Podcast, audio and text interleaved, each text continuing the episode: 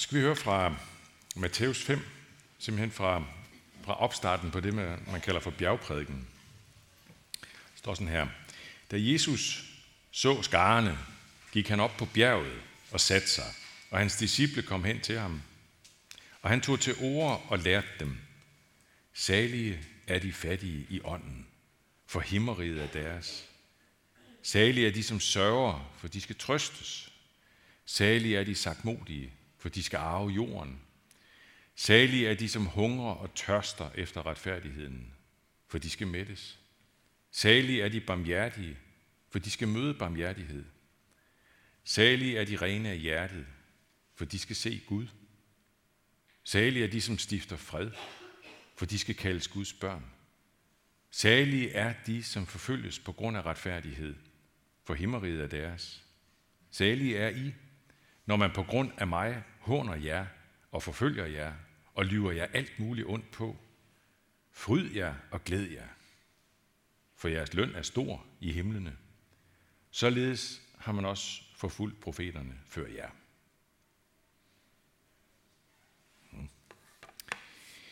Det der ord helgen, det kommer af noget oldsaksisk. Helagon, eller hvordan man nu udtalte det dengang, det ved jeg ikke. Men helagon, som betyder hellig. Så helgen betyder simpelthen hellig. Så, sagt på en meget enkel måde, hvis du er kristen, så er du en helgen. Fordi det er jo det, vi bekender. Hver eneste gang, vi siger trosbekendelsen, som vi også skal lige om ikke så lang tid, så siger vi jo, at vi tror på de helliges samfund. Yeah. Så vil du det? Vil du gerne være en helgen?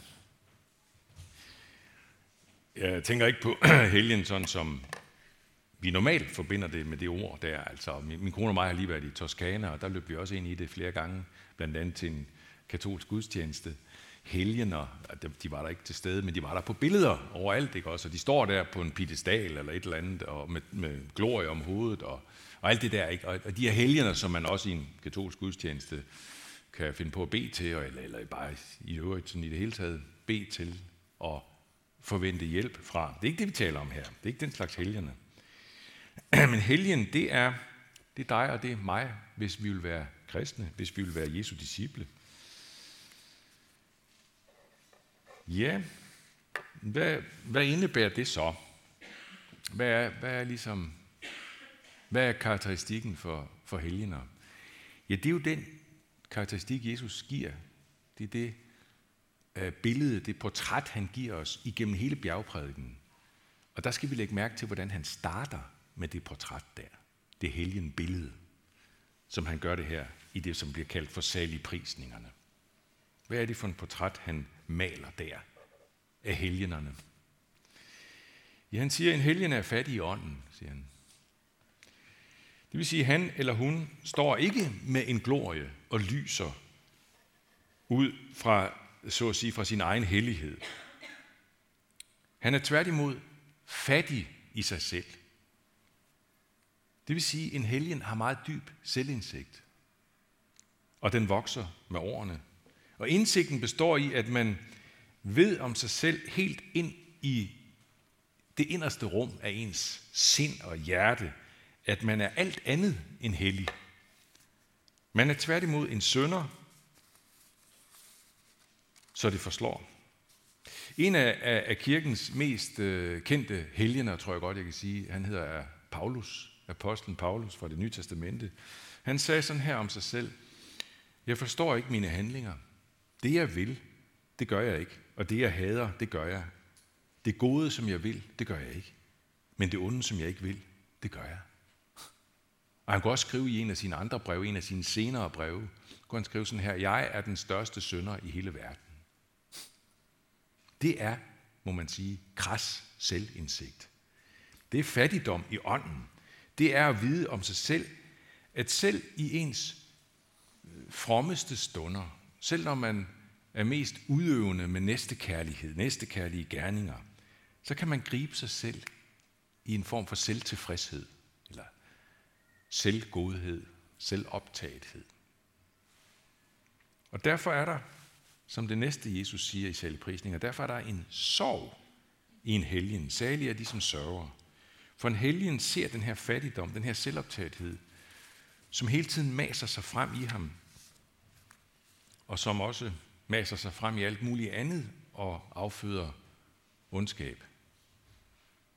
Og derfor er helgenen, som det tredje, sagt modig. Særlig er de sagt modige. Hvad er sagt modig?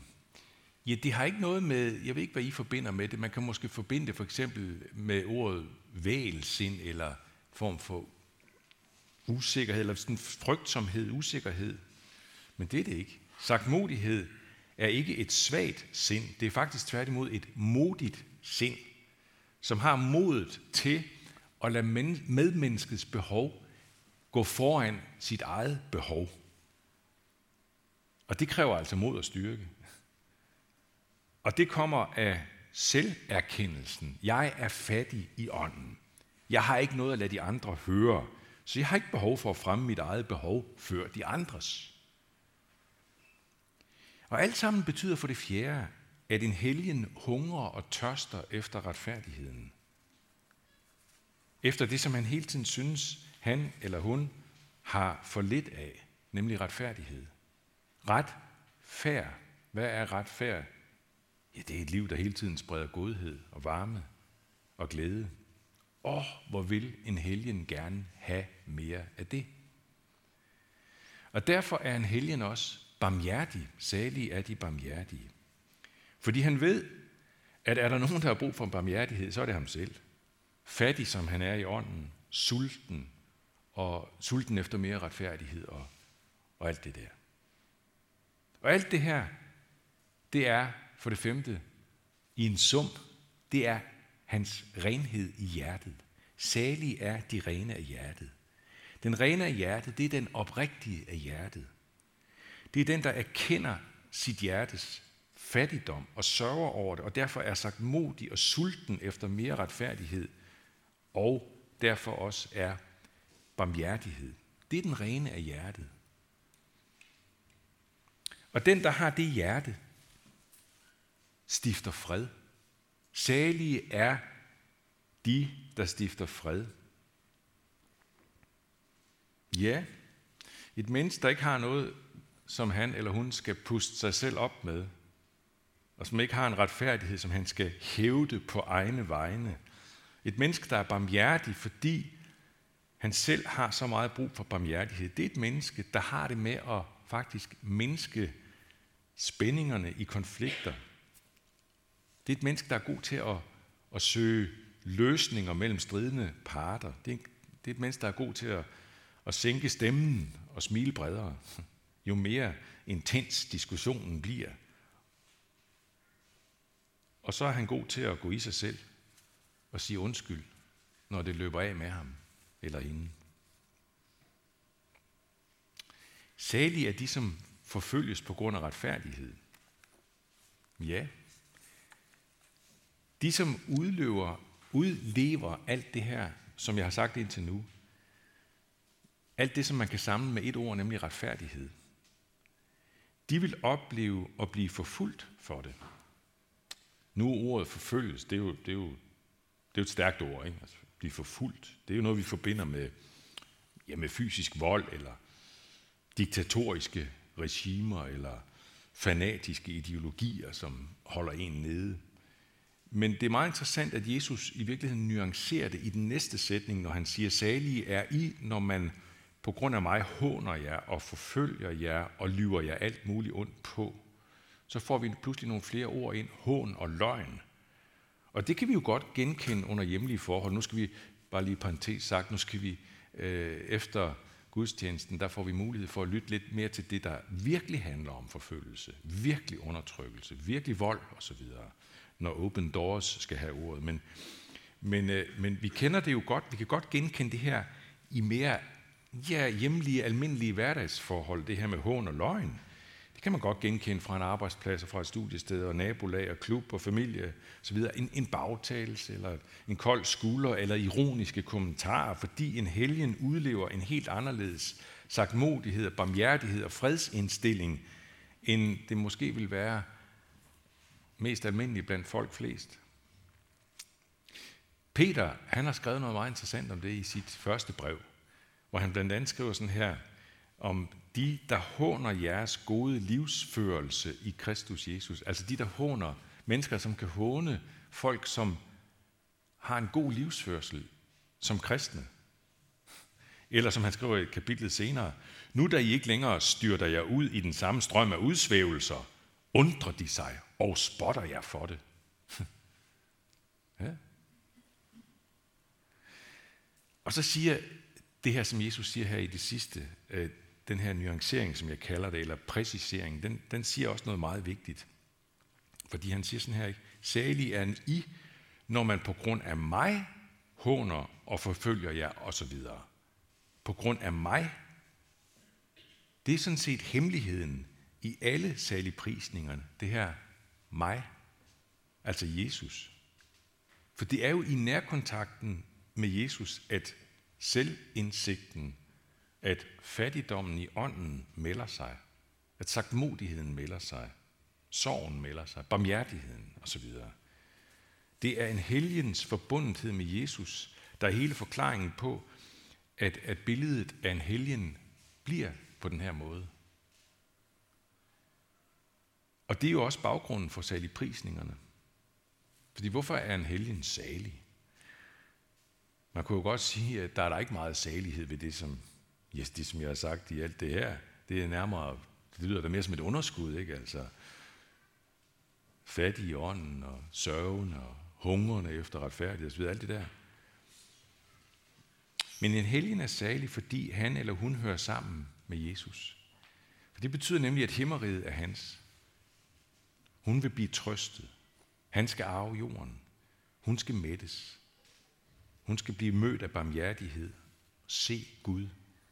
Og igen, himmeriget skal være hans. Hendes løn skal være stor i himlen. Hvad siger vi, hvad, hvad, hvad siger vi nu? Vil vi være med? Vil vi være helgener? Vil vi være med som en hverdagshelgen? Det er jo det, vi taler om. Vi taler altså stadigvæk ikke om en helgen, der står op på, på glorien, eller er malet på et stort, smukt kirkebillede med glorie på. Vi taler ikke om en helgen, som er sådan vældig synligt fremtrædende, så andre kan se en og beundre en. Vi taler bare om ganske almindelig hverdagshelgen, hverdagshellig, hverdagskristen. Ude på arbejdspladsen, ude på studiestedet, i familien, i nabolaget, i, øh, i ægteskabet, i dit fader- og moderskab, i fodboldklubben, i danseskolen, i boligforeningen. Sådan en, der tæt forbundet med Jesus lever med en realistisk selverkendelse, en sorg over tilstanden, men ikke, og det er meget vigtigt for mig at sige, ikke en sorg, der gør en handlingslammet og indadvendt og livsfrygtsom og en lille smule melankolsk og, og sådan der. Nej, tværtimod. Fordi Jesus har jo lovet os alt på et sølvfad.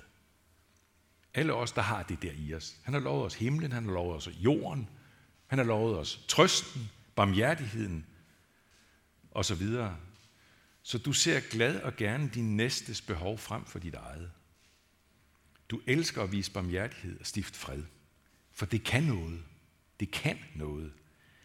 Det er fascinerende at gå ind i det, faktisk. Selv, selv når man kan mærke måske lidt skeptisk eller bagtalen eller lidt distancerede blikke eller reaktioner på det, nedladende bemærkninger måske, så kan du fryde dig hemmeligt, for du ved, at du er fat i den lange ende med alt sammen, og du ved, at det bringer noget enormt godt ind i tilværelsen for mennesker, når du har fat i det, når du har fat i Jesus. Eller bedre, når han har fat i dig. Og den lange ende, den er evighedslang, den er himmerigslang. Vi taler om hverdagens gudstjeneste. Det er på en vis måde derude, at gudstjenesten for alvor begynder. Den, som du er præst i, alle herinde er præster i den gudstjeneste, den, der er ude i hverdagen. Vi havde, øh, da jeg var præst i Løsning Korning, så havde vi en, gik vi med en tanke. Jeg tror aldrig, vi fik den realiseret faktisk. Der har jeg muligvis bildet nogen af jer ind, men det er jeg ikke sikker på alligevel. Lige meget med det. Øh, men vi havde en tanke. Vi gik med en tanke om, at vi ville øh, lave sådan et skilt ved, ved kirkeudgangen, og så vil, som vi vil stille op, når vi så når folk så forlod gudstjenesten igen, så skulle der stå et skilt, hvor der skulle stå, velkommen til gudstjeneste. Hvad for en gudstjeneste? Ja, den der udenfor. Den der i morgen mandag og tirsdag og onsdag og så videre. Fordi det er vores gudstjeneste. Det er helgen gudstjenesten. Det er dit helgenliv. Vi tror på de hellige samfund. Og så siger vi lov, tak og evig ære være dig, hvor Gud, Far, Søn og Helligånd, som var, er og bliver en sand treenig Gud, højlået fra første begyndelse, nu og i al evighed. Amen.